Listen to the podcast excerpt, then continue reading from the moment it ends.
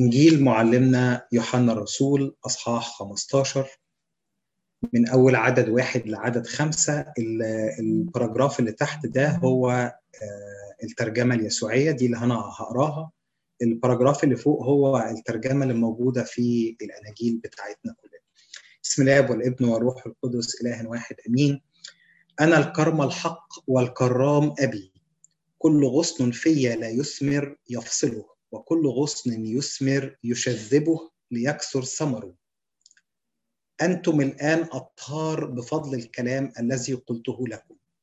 إثبتوا في وأنا ثابت فيكم. لا يستطيع الغصن من تلقاء نفسه أن يثمر إن لم يثبت في الكرمة. ولا أنتم تستطيعون أن تثمروا إن لم تثبتوا في أنا الكرمة وأنتم الأغصان. فمن ثبت في وثبت فيه فذاك الذي يثمر ثمرا كثيرا ولا يسعكم أي عمل إذا ما, عنا ما عني انفصلتم. من لا يثبت في يطرح كالغصن خارجا والمجد الله دائما أبديا. آمين.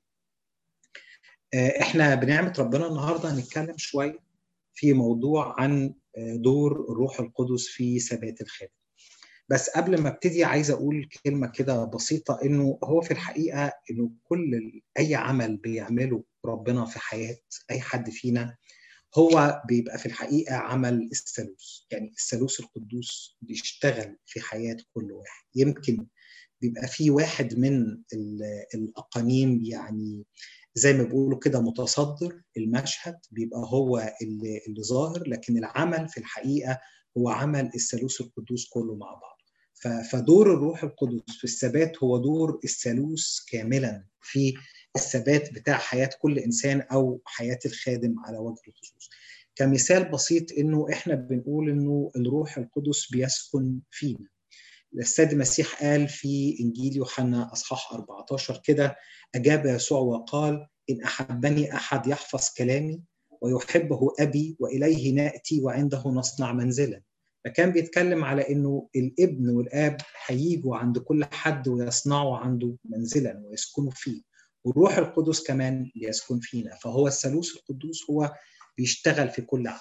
بمعنى إن إحنا وإحنا بنتكلم النهارده وإحنا بنتكلم على دور الروح القدس هيبقى الدور ده دور عمل الثالوث بالتدبير مش عمل اقنوم واحد لوحده. النقطة الثانية اللي عايز أقولها في المقدمة إنه الثبات بتا... إيه الفرق بين ثبات الخادم وثبات الشخص العادي اللي هو مش بيخدم؟ الحقيقة إنه كل الكلام اللي يتقال عن الثبات يتقال للاثنين مش لواحد بس وكل المقاومات للاثنين وكل عمل الله للاثنين لكن الخادم عليه مسؤولية كبيرة ومهمة. المسؤولية الأولى إنه هو يظهر هذا الثبات في المسيح في حياته. إنه إنه يكون الثبات ده حاجة واضحة وباينة للناس لأن هو بيبقى عبارة عن إنه هو قدوة أو مثال للناس. والحاجة التانية إنه زي ما بيتعلم بيحتاج الخادم كمان إنه هو يعلم. يعلم الناس تثبت في ربنا إزاي. فمحتاج إنه هو كمان يتعلم هذا التعليم والتعليم بتاعه صح. إحنا هنتكلم بنعمة ربنا في ثلاث نقط صغيرين كلهم تقريبا موجودين في العدد اثنين لكن هنتماشى شوية مع بعض جوه الكتاب المقدس وهناخد مجموعة من أقوال الآباء في النص على كل نقطة هنتكلم فيها. النقطة الأولانية هي إنه الروح القدس هو في الحقيقة منبع أو أصل الثبات بتاعنا. دور الروح القدس في الثبات إن إحنا بنثبت عن طريق الروح القدس يقول كده في عدد اثنين كل غصن فيا لا يأتي بثمر إن الغصن ده موجود فيا. والحقيقة إنه الرب يسوع المسيح لما جه يحط المثل ده يتكلم قال أنا الكرمة الحقيقية وأبي الكرام. التلاميذ والمستمع والمتلقي فكرة الكرمة ما كانتش فكرة بعيدة عن دماغه كتير لأن هو كان طبعا عايش في وسط فيه كروم. وفي نفس الوقت ربنا نفسه بالنسبة له في العهد القديم اتكلم عن فكرة الكرمة. لكن الفكرة اللي كانت موجودة عن الكرمة إن شعب الله هو الكرمه زي ما اتكلم في سفر اشعياء وفي أماكن تانية كتير. انه إنه إسرائيل هو الكرمة أو شعب الله هو الكرمه لكن السيد المسيح في بداية المثل ده اللي كان بيتكلم فيه رفع عينين الناس اللي بتسمع والناس اللي بتقبل الكلمة لفكرة أعمق بكتير. إنه ما بقاش في فاصل في العهد الجديد بين الله وبين شعبه. إنه كان قبل كده الشعب هو الكرمة لا ده أنا الكرمة وأنتوا فيا. فبقيت أنا وأنتوا حاجة واحدة.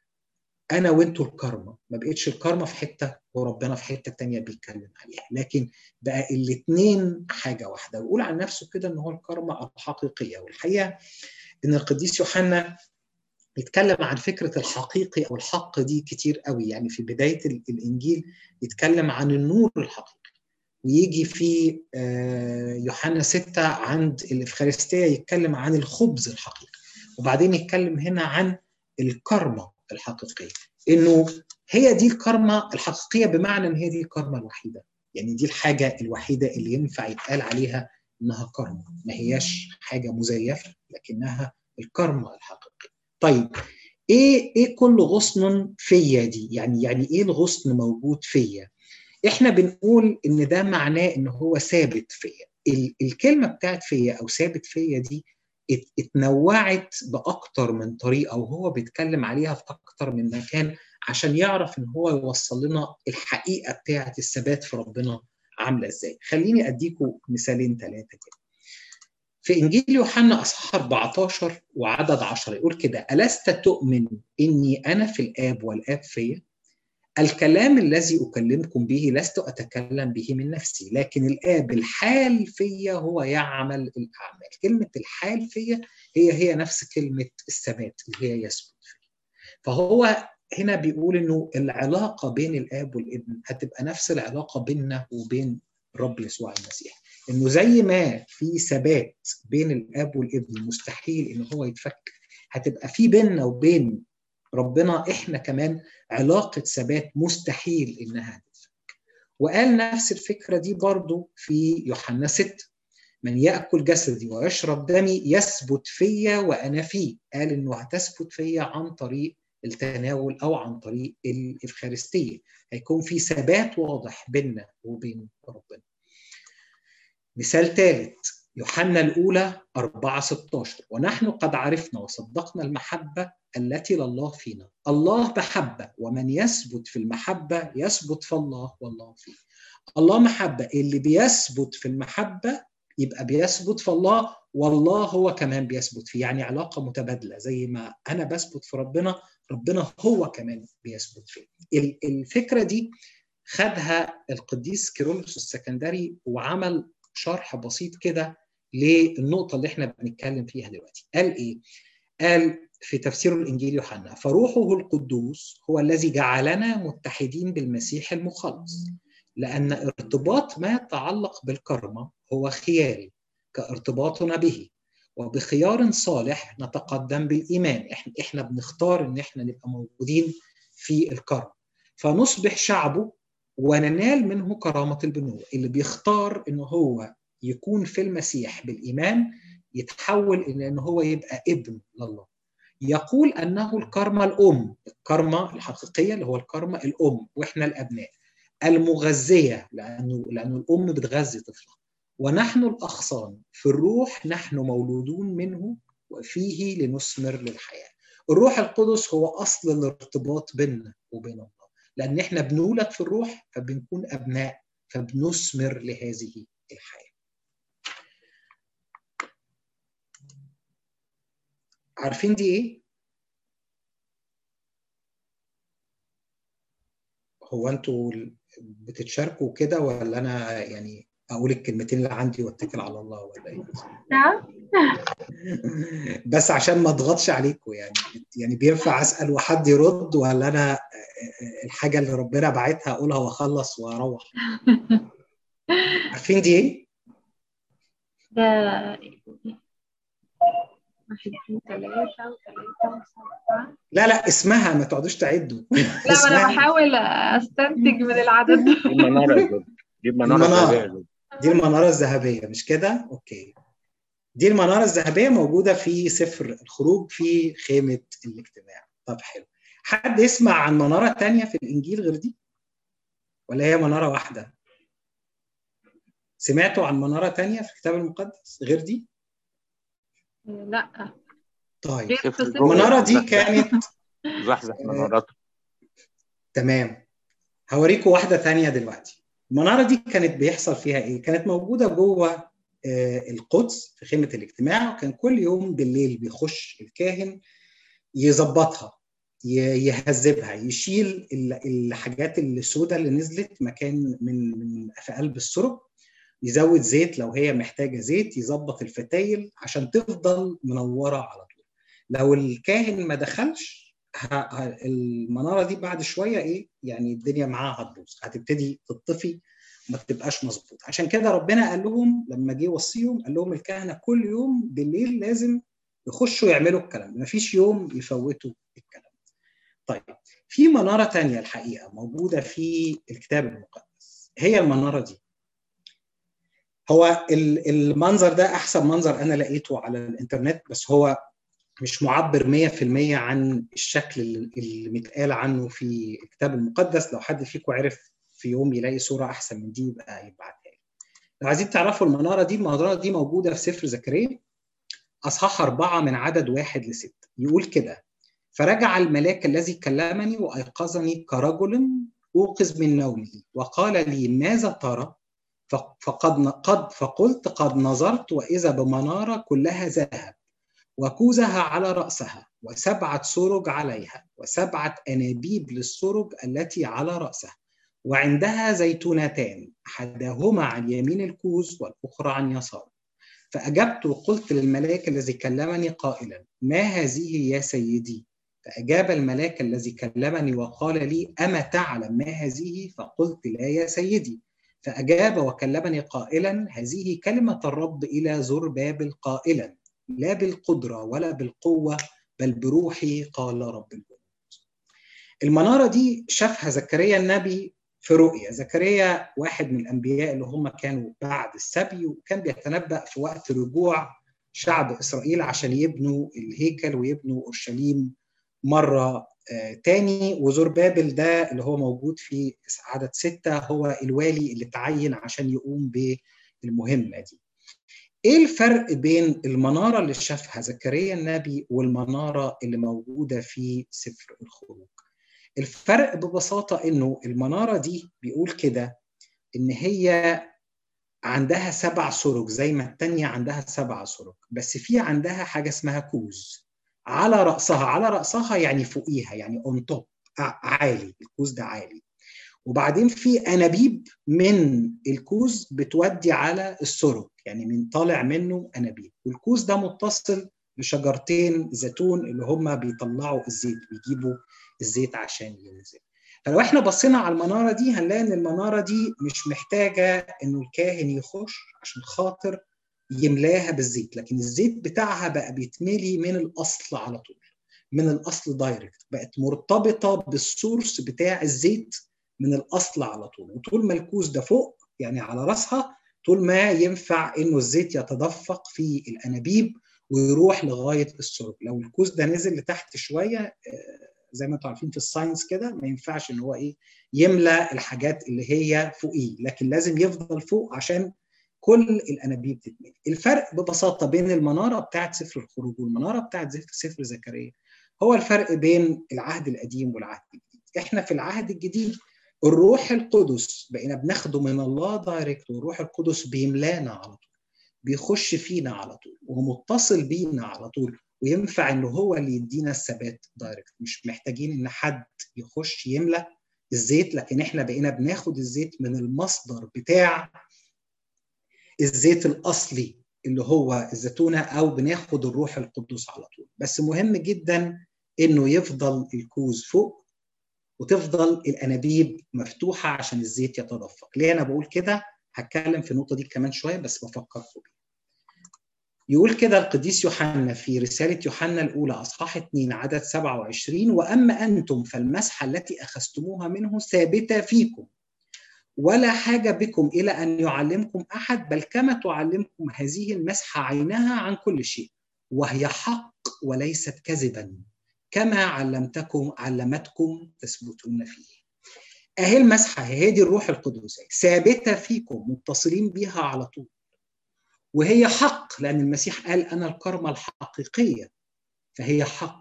وزي ما هي هتعلمكم هتفضلوا ثابتين فيه. كل ما هي تديكم كل ما الزيت يتدفق هيفضل إنه في ثبات فيكم لأنه السيد المسيح قال كده عن الروح القدس إن هو يأخذ مما لي ويعطيكم هياخد من اللي عندي يبقى النقطة الأولانية إنه الروح القدس علاقته إيه بالثبات؟ الروح القدس هو مصدر الثبات.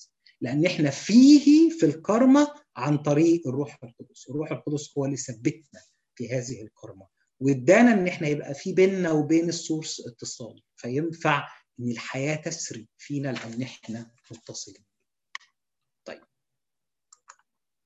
نروح على النقطة الثانية. النقطة الثانية بيتكلم عن الثمر. يقول كل غصن في لا يأتي بثمر يقطعه واللي يأتي بثمر ينقيه. الحقيقة القراءة الأولى لفكرة الثمر بتتكلم عن إنه يعني لأننا مرتبطين بالروح القدس والروح القدس جوانا فالروح القدس بيثمر جوانا، بيثمر جوانا إيه؟ بيثمر جوانا ثمار الروح القدس اللي هي موجودة في غلاطيا خمسة وكلنا حافظينها. لكن أنا نفسي النهارده إن إحنا نتعامل مع القراية دي على إنها القراية number 2 مش number 1 وإنه يبقى في في قراية ثانية قبلها بشوية يعني يعني نبتدي بيها وبعدين نبتدي نكمل في موضوع ثمار الروح القدس عايز أشرح فكرة الثمر نفسها من أول عشان نبقى فاهمين المفروض إن أنا أوصل لإيه؟ ما هو الثمر ده هو الحاجة اللي بتطلع من الكرمة أو من الشجرة في الآخر. وهو الحاجة اللي المفروض إنها تظهر مني أو تطلع مني في الآخر. في سفر التكوين أصحاح واحد في عدد 11 يقول كده وقال الله لتنبت الأرض عشبا وبقلا يبذر بذرا وشجرا ذا ثمر يعمل ثمرا كجنسه بذره فيه على الأرض وكان كذلك. فأخرجت الأرض عشبا وبقلا يبذر بذرا كجنسه وشجرا يعمل ثمرا بذره فيه كجنسه. ورأى الله ذلك أنه حسن. ربنا قال إنه الأرض هتطلع عشب. وهيبقى فيه بذر. هيتحط البذر ده في الأرض هيطلع ثمر. الثمر ده هيبقى إيه؟ هيبقى من جنس البذرة اللي اتحط يعني زي ما البذرة اتحطت يطلع ثمر. ما تطلعش حاجة مختلفة. بعدين جه في عدد 24 برضه في إصحاح واحد. وقال الله لتخرج الأرض ذوات أنفس حية كجنسها بهائم ودبابات ووحوش أرض كأجناسها. وكان كذلك. الوحوش كمان خرجت كلها كإيه؟ كأجناسها. فعمل الله وحوش الأرض كأجناسها والبهائم كأجناسها وجميع دبابات الأرض كأجناسها. وراى الله ذلك حسن. طيب بعدين جه عند الإنسان. يبقى ربنا اتكلم عن النباتات واتكلم عن الحيوانات. إنه كل حاجة هتطلع زي الجنس بتاعها والبذر هيطلع ثمرة زي البذر بتاعها. جه عند الإنسان قال إيه بقى؟ وقال الله نعمل الإنسان على صورتنا كشبهنا. فيتسلطون على سمك البحر وعلى طير السماء وعلى البهائم وعلى كل الأرض وعلى جميع الدبابات التي تدب على الأرض. فخلق الله الإنسان على صورته على صورة الله خلقه ذكرا وأنثى خلقهم. يبقى الإنسان البذرة بتاعته الأصل بتاعه اللي اتحط كان إيه؟ كان صورة الله. اتخلق على صورة الله والبذرة بتاعته كانت على صورة الله. وبعد كده قال إيه وباركهما والله وباركهم الله وقال لهم اثمروا واكسروا واملأوا الأرض واخضعوها طب هيثمروا إيه بقى زي ما البذرة نزلت صورة الله يبقى الثمر اللي هيطلع هو كمان يطلع صورة الله ويكسر من صورة الله. إيه صورة الله دي؟ يقول عنه كده القديس بولس في رسالة كلوسي في إصحاح واحد عن المسيح الذي هو صورة. فصورة الله هو الكلمة هو أقنوم الابن هي دي الصورة اللي إحنا اتخلقنا عليها وهي دي الصورة اللي المفروض إن إحنا نوصل لها في الآخر. فالثمر هو إن الإنسان يصل إلى صورة الله. إن الإنسان يبقى هو المسيح على الأرض. الإنسان طبعا بعد الكلام ده سقط في الخطية ولما سقط في الخطية سقط من النعمة الإلهية وخضع عليه الموت والفساد وتشوهت الصورة بتاعت الله لكن السيد المسيح لما جه وتجسد أعاد للإنسان هذه الصورة مرة أخرى عشان كده لما راح الملاك للعذراء مريم يبشرها قال لها إيه؟ قال لها مبارك في إنجيل لوقا أصحاح واحد مباركة أنت في النساء ومباركة هي ثمرة بطنك. لأن بطنك هتطلع ثمرة. هتثمر الخليقة الجديدة للعالم. هتثمر إنه ال- الابن الوحيد الجنس أصبح بكرا بين إخوة كثيرين. بقى بكر لينا وإحنا بقينا إخوة. فالصورة الأصلية اللي اتخلق عليها الإنسان هي صورة الله هي صورة المسيح. فالثمر اللي المفروض يطلع المفروض يكون صورة المسيح يكون هو ده اللي بيطلع من مننا القديس أثناسيوس الرسولي كل سنة وأنتم طيبين النهارده عيد ميلاده. ولأنه رأى ده كتاب تجسد الكلام. ولأنه رأى عدم قدرة الإنسان أن يبقى دائما على الحالة التي خلق فيها أعطاه نعمة إضافية فلم يكتفي بخلق البشر مثل باقي الكائنات غير العاقلة على الأرض بل خلقهم على صورته وأعطاهم شركة في قوة كلمته حتى يستطيعوا بطريقة ما ولهم بعض من ظل الكلمة وقد صاروا عقلاء أن يبقوا في سعادة ويحيوا الحياة الحقيقية حياة القديسين في الفردوس. بيتكلم عن إنه في الأصل إحنا اتخلقنا على صورة الله وخدنا شركة في الكلمة بتاعته. القديس الأنبا مقاريوس في العظات بتاعته بيقول كده حاجة جميلة قوي بيقول لقد كانت الطبيعة البشرية فيما قبل مائتة بالبعد عن الله وغير مثمره. الحمد لله. عشان ما تطلعش آه، آه، طبيعة مائتة برضه. والنفس كانت عقيمة وعاقره.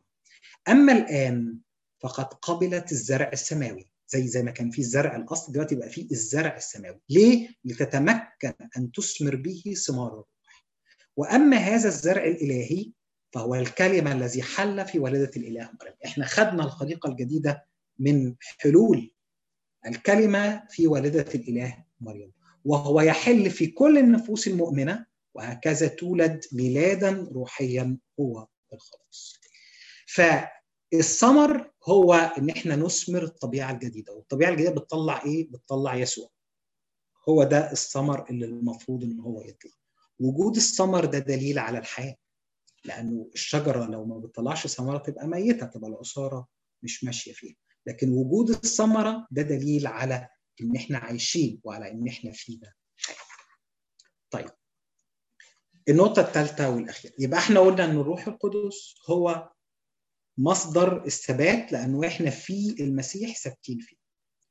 وبالروح القدس إحنا قبلنا الخليقة الجديدة فأصبح إنه بيطلع مننا الثمر والثمر هو صورة الرب يسوع قال كده بقى إنه هو إيه؟ ينقيهم.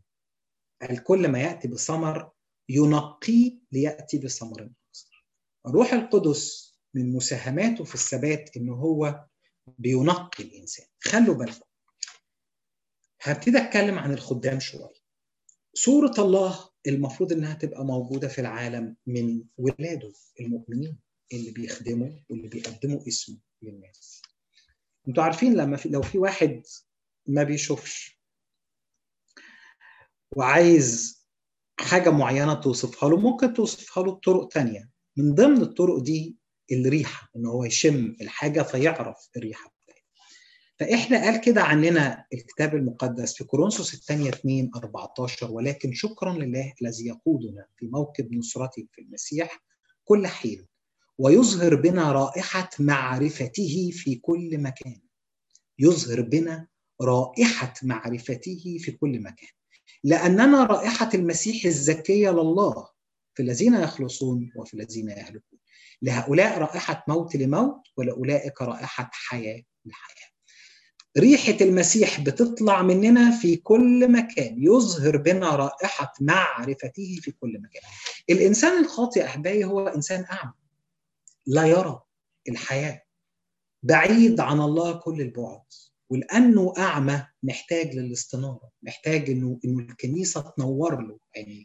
فالكنيسة بتقرب منه بشكل المسيح بتظهر له شكل المسيح. فلو هو مش شايفه يقدر يشمه فينا. يشوف صفات الله فينا. يشوف بقى الثمر بتاع الروح القدس لما يبتدي يطلع مننا يبتدي يشوف المسيح فينا فيقدر يشم رائحة المسيح الزكية فينا عشان ده يطلع عشان ده يبقى المنتج النهائي بيحتاج الإنسان إن هو يتنقى. فاكرين أنا قلت لكم الكوز بيبقى فوق وبعدين في اتصال بالأنابيب. لو الكوز نزل تحت شوية مش هينفع يبقى فيه امتلاء. ولو الأنابيب مسدودة مش هينفع إن يبقى فيه امتلاء لازم يفضل فوق وتفضل الأنابيب مفتوحة أمامه. طبعا التنقية اللي بيعملها الروح القدس في الإنسان دي حاجة يومية وفي حاجات كتيرة قوي. بس أنا هتكلم في فكرة واحدة أو في نقطة واحدة لأنها نقطة أساسية جدا في حياة الخادم والإنسان المسيحي. عموما روح القدس بيشتغل فيها مهم جدا إن هو يشتغل فيها. وهي فكرة إنه المسيح يبقى دايما فوق. عشان ينفع إنه تتدفق منه الروح القدس يأخذ من مليه ويعطيكم ويقدر إن هو يملى الإنسان وتكون القنوات بتاعته فاضية ومفتوحة. في ليلة الصليب إحنا إحنا الحوار اللي بنقراه ده في إنجيل يوحنا 15 ده في ليلة الصليب. في ليلة الصليب حصلت مشكلة مشكلة كبيرة. في إنجيل لوقا أصحاح 22 من أول عدد 24 يقول كده وكانت بينهم أيضا مشاجرة من منهم يظن أنه يكون أكبر. فقال لهم ملوك الأمم يسودونهم والمتسلطون عليهم يدعون محسنين. وأما أنتم فليس هكذا بل الكبير فيكم ليكن كالأصغر والمتقدم كالخادم. لأن من هو أكبر الذي يتكئ أم الذي يخدم؟ أليس الذي يتكئ؟ ولكن أنا بينكم كالذي يخدم. في ليلة الصليب في في في الوقت اللي هو قبل الحوار ده على طول بعد يعني في في الوقت بتاع العشاء السري جوه العليه حصلت مشكلة بين التلاميذ مين يظن أنه يكون الافضل. بعدين القديس لوقا يعني اتكلم عن الموضوع وقال حاجة كده تفهم إنها حاجة عامة، قال كده المسيح لأن من هو أكبر؟ الذي يتكئ أم الذي يخدم؟ ليس الذي يتكئ ده صحيح يا رب ولكن أنا بينكم كالذي يخدم. تفسير عام حلو قوي بس يا رب ما هو أنت بتخدم من ساعة ما جيت. هو أنت بتتكلم عن حدث معين. الحقيقة إن اللغز ده اللي حله هو القديس يوحنا. لما حكى لينا أو اتكلم معانا عن غسل السيد المسيح لأرجل التلاميذ. لأنه غسل السيد المسيح لأرجل التلاميذ هو الحدث اللي بيتكلم عنه في عدد 27 إنه السيد المسيح مكانه في وسط التلاميذ إن هو يتكئ. لكن هو بينهم كالذي يخدم لأنه نزل وخد مكان الخدمة. أنا هقرأ في الشاهد في إنجيل يوحنا 13 من واحد لخمسة هقرأ برضو ال paragraph اللي تحت اللي هو من الترجمة اليسوعية وفي ال paragraph اللي فوق للترجمة اللي في إيدينا. قبل عيد الفصح كان يسوع يعلم أن ساعته حانت ساعة عبوره من هذا العالم إلى الاب. وقد أحب خاصته الذين في العالم فبلغ به الحب لهم إلى أقصى حدوده. وفي أثناء العشاء وقد ألقى إبليس في قلب يهوذا بن سمعان الإسخريوطي أن يسلمه وكان يسوع يعلم أن الآب أودع يديه كل شيء وأنه خرج من الله وإلى الله يمضي فقام عن العشاء فخلع ثيابه وأخذ منديلا فاعتذر به ثم صب ماء في مطهره وأخذ يغسل أقدام التلاميذ ويمسحها بمنديل اعتذر به أكبر مشكلة تقف قدام الخادم في التنقية إنه ينزل الكوز بتاع الزيت لتحت. يطلع هو فوق يقول يا رب أنا فوق. لو طلعت فوق وقفت تدفق الروح القدس وقفت تدفق الزيت لازم يفضل الرب يسوع هو فوق. عشان كده السيد المسيح كان لازم يعلم تلاميذه الفكرة دي قبل ما يسيبهم لأنه بيعد التلاميذ إن هم يكونوا نواة الكنيسة والكنيسة تتعلمها كلها فيما بعد. عشان كده وهو عالم إن ساعته ساعة عبوره إلى الآب اللي هي ساعة الصليب وساعة القيامة لغاية العبور. وإنه نتيجة المحبة الغير ممكنة إلى أقصى الحدود. وإنه هو الآب أودع في يديه كل شيء، كل شيء كان في يديه. لكن اللي عمله السيد المسيح إيه؟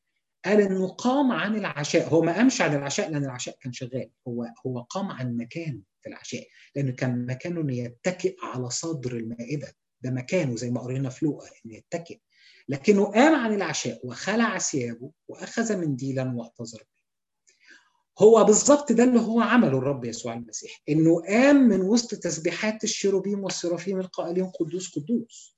وخرج من حضن الآب وخلع ثياب المجد والبهاء واعتذر بثيابنا بالطبيعه البشرية بتاعتنا خدها عشان بايديه المجروحة يغسل أقدام التلاميذ، أقدام التلاميذ وأقدامنا لغاية النهارده بتغسل من الرب يسوع المسيح. هو بيغسل إيدينا بيغسل رجلينا من أقذار العالم ومن خطية العالم ومن كل ما هي بتتوسخ وبيوطي وكل مرة بيوطي بيعلم كل واحد فينا ان هو يوطي. أنا بستغرب إن أنا أبقى محتاج أوطي. اوطي فين؟ هو إحنا أصلا منين؟ يعني إحنا من العدم أساسا. ربنا اللي إدانا نعمة كل حاجة. أنا بحس إن الإنسان لما يفكر إنه يتواضع بيبقى عامل زي واحد كده بينط من فوق السجادة يعني. هو أصلا تحت ما عندوش حتة يروح فيها. لكن الرب يسوع هو اللي تواضع في الحقيقة. في الحقيقة. ده كان حقيقة التواضع. فمش عشان يعلمنا حاجة بعيدة عنا عشان نلتصق بيه في الحدث ده مد إيديه ومسك رجليه وصب المية المطهرة اللي هي مية الروح القدس عشان تطهر الإنسان وعشان تغسله من كل كبرياء ممكن يبقى موجود فيه أو ارتفاع يبقى موجود فيه يعطل عمل الروح القدس. العلامة أوريجانوس بيقول كلمة حلوة قوي بيقول كده لم يقل الكتاب غسل أرجل التلاميذ بل قال ابتدأ يغسل أرجل التلاميذ بأنه قد بدأ ولم يتوقف عن الغسل. إذ كانوا في حاجة إلى غسل مستمر حيث تدنسوا في ذات الليلة بعد الغسل. كلكم تشكون في في هذه الليلة كما قال لبطرس لا يصيح الديك حتى تنكرني ثلاثة المسيح ابتدى يغسل أرجل التلاميذ ولم يتوقف عن الغسل. كل يوم الكنيسة بتجي له كده تحط رجليها القذرة وهو يوطي يحط المية ويبتدي يغسل في أرجل الكنيسة. كل يوم بحط نفسي قدام ربنا أخش قدام ربنا كده أقول يا رب اغسلني اغسلني اغسل لي رجليا. ما توقفش في الغسيل. عشان تفضل نفسي يا رب تحت معاك. عشان يفضل القلب المنكسر والمتواضع لا يرزق ما ما ما يبقاش فيه علو ما يبقاش فيه ارتفاع بأي شكل من الأشكال. إيه إيه إيه دور الروح القدس هنا؟ إيه إيه فكرة المطهرة اللي اللي, اللي السيد المسيح جابها دي وصب فيها الماء وابتدى يغسل رجلين؟ التلاميذ في شاهد في العهد القديم في رمز للفكرة دي خلينا نقراه ونختم مع بعض الخدمة بتاعتنا. في سفر الخروج أصحاح 30 من عدد 17 لعدد 21 يقول كده وكلم الرب موسى قائلا وتصنع مرحضه من نحاس وقاعدتها من نحاس للاغتسال وتجعلها بين خيمة الاجتماع والمذبح وتجعل فيها ماء. فيغسل هارون وبنوه أيديهم وأرجلهم منها. عند دخولهم إلى خيمة الاجتماع يغسلون بماء لئلا يموتوا أو عند اقترابهم إلى المذبح للخدمة ليوقدوا وقودا للرب. يغسلون أيديهم وأرجلهم لئلا يموتوا ويكون لهم فريضة أبدية له ولنسله في أجيالهم ربنا لما لما كان بيقول لموسى على خيمة الاجتماع في الجزء الخارجي اللي هو اسمه الدار الخارجية في حاجتين اتنين في الدار الخارجية. لما تخش من الباب الباب ده كان ممكن أي حد يخش منه من اليهود يعني تلاقي على شمالك كده في مسبح النحاس أو مسبح المحرقة اللي بتتقدم عليه الذبائح وفي وشك كده تلاقي حاجة اسمها المرحبه عبارة عن طبق كبير كده ومحطوط قدامك ومليان مية. وبعد كده في الخيمة نفسها تخش من الباب تلاقي القدس وبعدين الحجاب والقدس الاخضر فربنا قال لموسى هتعمل المرحاض دي من نحاس. والقاعدة بتاعتها من نحاس يغتسلوا فيها. كل ما يخشوا للخدمة ما يخشوش جوه غير لما يغتسلوا الأول. لو حد عمل كده يحصل له إيه؟ يموت. لو دخل من غير ما يغتسل يموت. ولو اتقدم للخدمة في المذبح يوقد من غير ما يغتسل يموت. فكان لازم إن كل حد يتقدم يغتسل قبل ما يعمل أي حاجة جوه الخيمة. الحاجة الثانية موجودة في سفر الخروج 29 قال له إنه يوم ما قدس الكهنة من الأول هارون وولاده عشان يقدسهم ككهنة خدهم وغسلهم في المرحضة دي. كلهم فاتغسلوا في المرحضة أول مرة وبعدين بقوا كل ما يخشوا لازم إن هم إيه يغسلوا إيديهم ورجليهم في المرحضة كل مرة لما يخشوا طيب حد عارف المرحضة دي اتعملت إزاي؟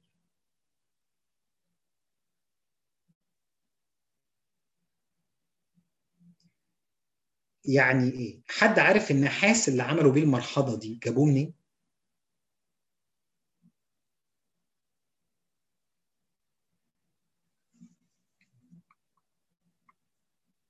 طيب سفر الخروج 38 حد كان هيقول؟ سوري.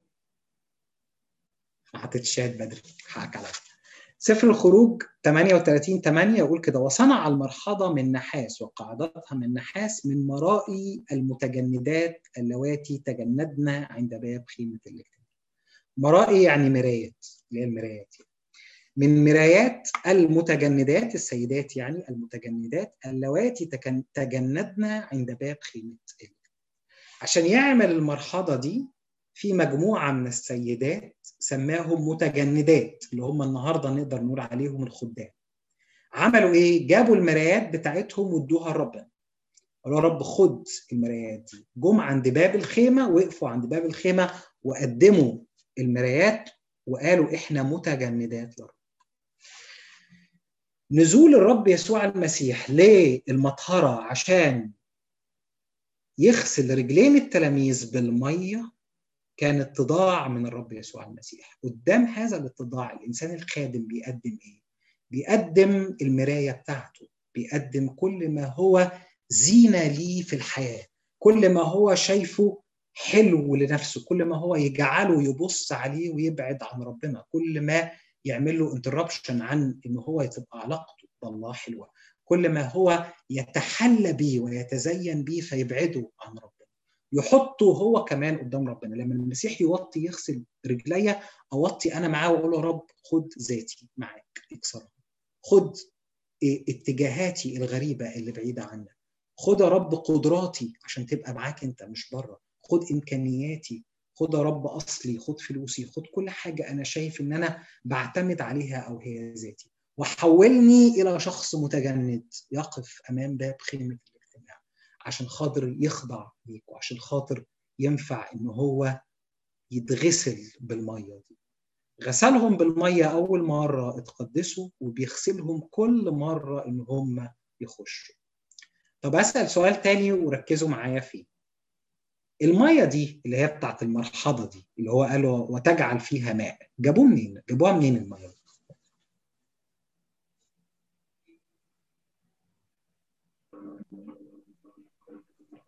دي منين يا جورج؟ لا مش عارفة. هما شعب إسرائيل في البرية كانوا بيشربوا منين؟ من الصخرة لما موسى كان بيضرب ال- الصخرة تطلع بالظبط. المية والصخرة دي كانت المسيح.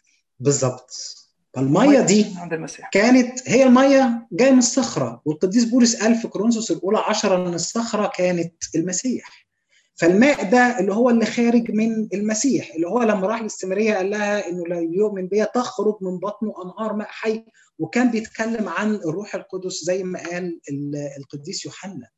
فالروح القدس يغسل الإنسان ينقي الإنسان. هو اللي بيغسله. أنت بتنزل في قلب المية والروح القدس هو اللي بينقيك هو اللي بيغسلك. تحط بس ذاتك تحط كبريائك تخضع بيها أمام الله. تقول يا رب أنا متجند أمامك النهارده. حاطط ذاتي أمامك النهارده. عشان يفضل الكوز لفوق وتفضل القنوات مفتوحة فينفع إن الزيت يتدفق على طول. تغسلني تطهرني. واحط ذاتي أمامك فأتطهر. إحنا إحنا يعني شفنا في حياتنا في, في وسطينا. مش بعيد عنا متجندات إخواتنا كتير. حطوا ذواتهم أمام الله وربنا نور فيهم وأعطى إن إحنا نشوف في حياتهم إنه الذات اتكسرت ولما الذات اتكسرت يظهر صورة المسيح يطلع الثمر على طول. فتقدر تشوف الرب يسوع المسيح نفسه خارج من هذا الشخص. هختم معاكم بقول للعلامة أورجانوس جميل قوي. كان بيتكلم عن آه، إنجيل يوحنا فبيقول كده يمكننا أن نتجاسر فنقول أن الأناجيل هي ذكر كل الكتب المقدسة. أما بين الأناجيل فإنجيل يوحنا هو البكر لا يدرك معناه من لم يتكئ على صدر يسوع ويستلم مريم من يسوع اما له أيضا. مثل هذا يكون يوحنا آخر ويظهر له يسوع ذاته كما فعل مع يوحنا. بيقول إنه اللي عاوز يفهم إنجيل يوحنا لازم يعمل حاجتين يتكئ على صدر يسوع ويعتبر العذراء مريم أمه فده يكون شخص يظهر له المسيح ذاته. ركزوا بقى في الجزء اللي جاي. فإذ لم يكن ابن لمريم سوى يسوع وذلك بالنسبة لمن يقدمون رأيا صادقا فيها وقد قال يسوع لأمه هوذا ابنك المسيح قال على الصليب للعذراء مريم على يوحنا هوذا ابنك ولم يقل هذا هو أيضا ابنك يعني إيه؟ يعني العذراء مريم ملهاش غير ابن واحد هو مين؟ يسوع مش أي حد تاني لما قالهاش ده كمان ابنك لا لها ده ابنك اللي هو مين؟ هو يسوع هوذا يسوع الذي ولدتيه بالحق ولدتيه فإنه بالحق كل إنسان صار كاملا لا يحيا هو بل يحيا المسيح فيه وإذ يحيا المسيح فيه يقال لمريم عنه هوذا ابنك المسيح. كل إنسان صار كاملا كل إنسان بقى يحيا المسيح فيه. مش هو اللي بيحيا كاسر ذاته وحاطط نفسه تحت المسيح لما العذراء مريم تبص عليه تقول ده ابني. يتقال العذراء مريم هو ده يسوع. حاجة واحدة اللي هو الرب يسوع. فكل إنسان خاضع ويحيا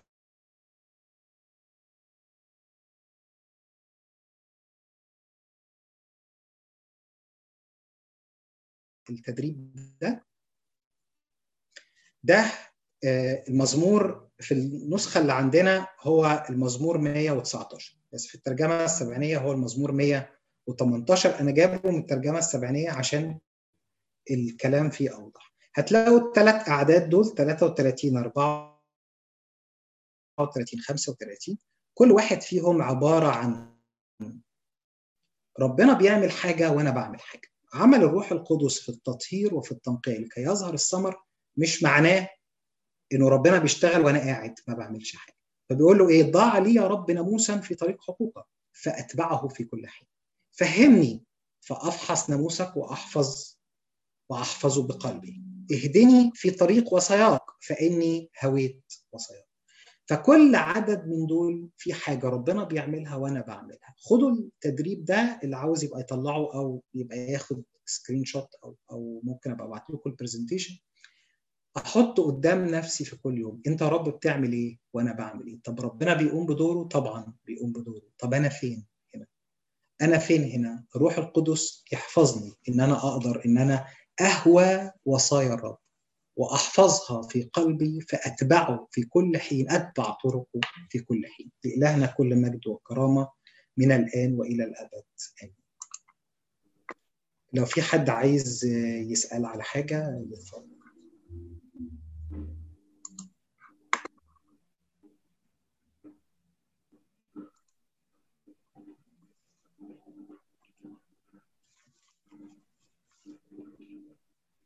جورج هو هتبعت لنا ال presentation ينفع تبعت لنا ال presentation آه طبعا. آه آه. موجودة عندي الباوربوينت هبعته. التدريب المظبوط ده نصلي بيه. في حاجة تانية؟ يعني انت قلت حاجة تانية عشان أنا بس كنت باخد screenshot فسرحت للحظة لا هو التدريب يعني المزمور أنا بس جبته من الترجمة السبعينية لأنه موضحة أكتر إيه اللي عليا وإيه اللي على ربنا. فهو ده كمثال إنه أنا بحط مجموعة من الحاجات بطلب إن ربنا يحققها في حياتي بس في كل حاجة داوود أو المزمور يعني بيحط إن أنا كمان عليا دور إن أنا أشتغل قدام كل حاجة ربنا بيعملها.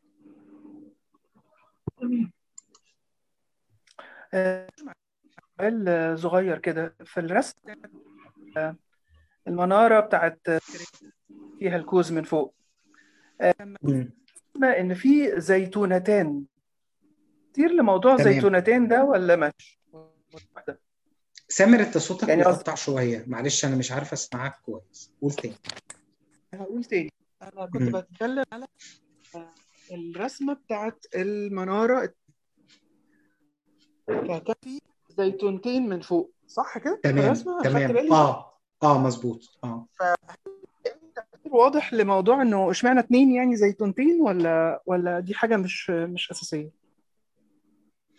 هو بص طبعا الرؤية بتاعت المنارة لها عموما أكتر من تفسير. في هتلاقي في ال- التفسير بتاع البابا كرولوس السكندري. آه، هو ده اللي أظن يعني إنه قايل إنه رابط الزيتونتين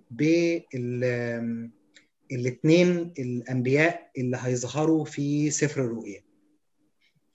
آه، في النبوة بتاع أو ال- الجزء بتاع إن هيبقى فيه اثنين أنبياء وهيحاربوا الوحش في آه، آه، سفر آه. الرؤيا. آم، أنا مش فاكر أبونا تدرس أظنه قال حاجة مختلفة. آه، الصراحة أنا عندي بس أنا طبعا لأني ما كنتش مركز النهارده إن أنا آه، آه، أتكلم عن الزيتونتين فما حضرتوش بس أنا كان عندي التحضير بتاع الجزء ده كله من سفر زكريا.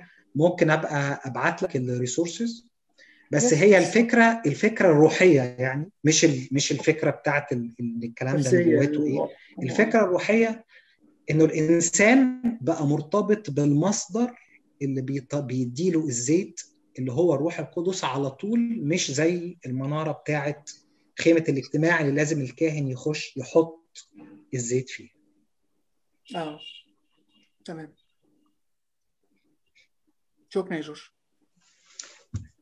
العفو أنا عارف إن ما جاوبتش بس هحاول أدور عليه وأبعته لا لا لا بسيطة. أنا ممكن يعني قصدي السؤال ده ممكن يبقى فرعي شوية مش أساسي في الموضوع بس أنا حبيت أسأل فيه بس. بس عموما كتاب التفسير ده بتاع القديس كيرلس السكندري لسفر زكريا كتاب حلو قوي يعني حلو أوي. مفيد يعني. okay.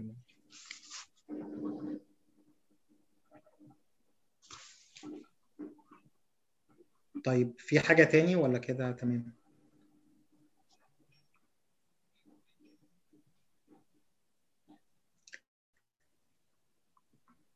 أوكي ربنا معاكم. افتكرونا في ال- في الصلاة دايما ونتقابل على خير إن شاء الله. ميرسي قوي يا جورج. العفو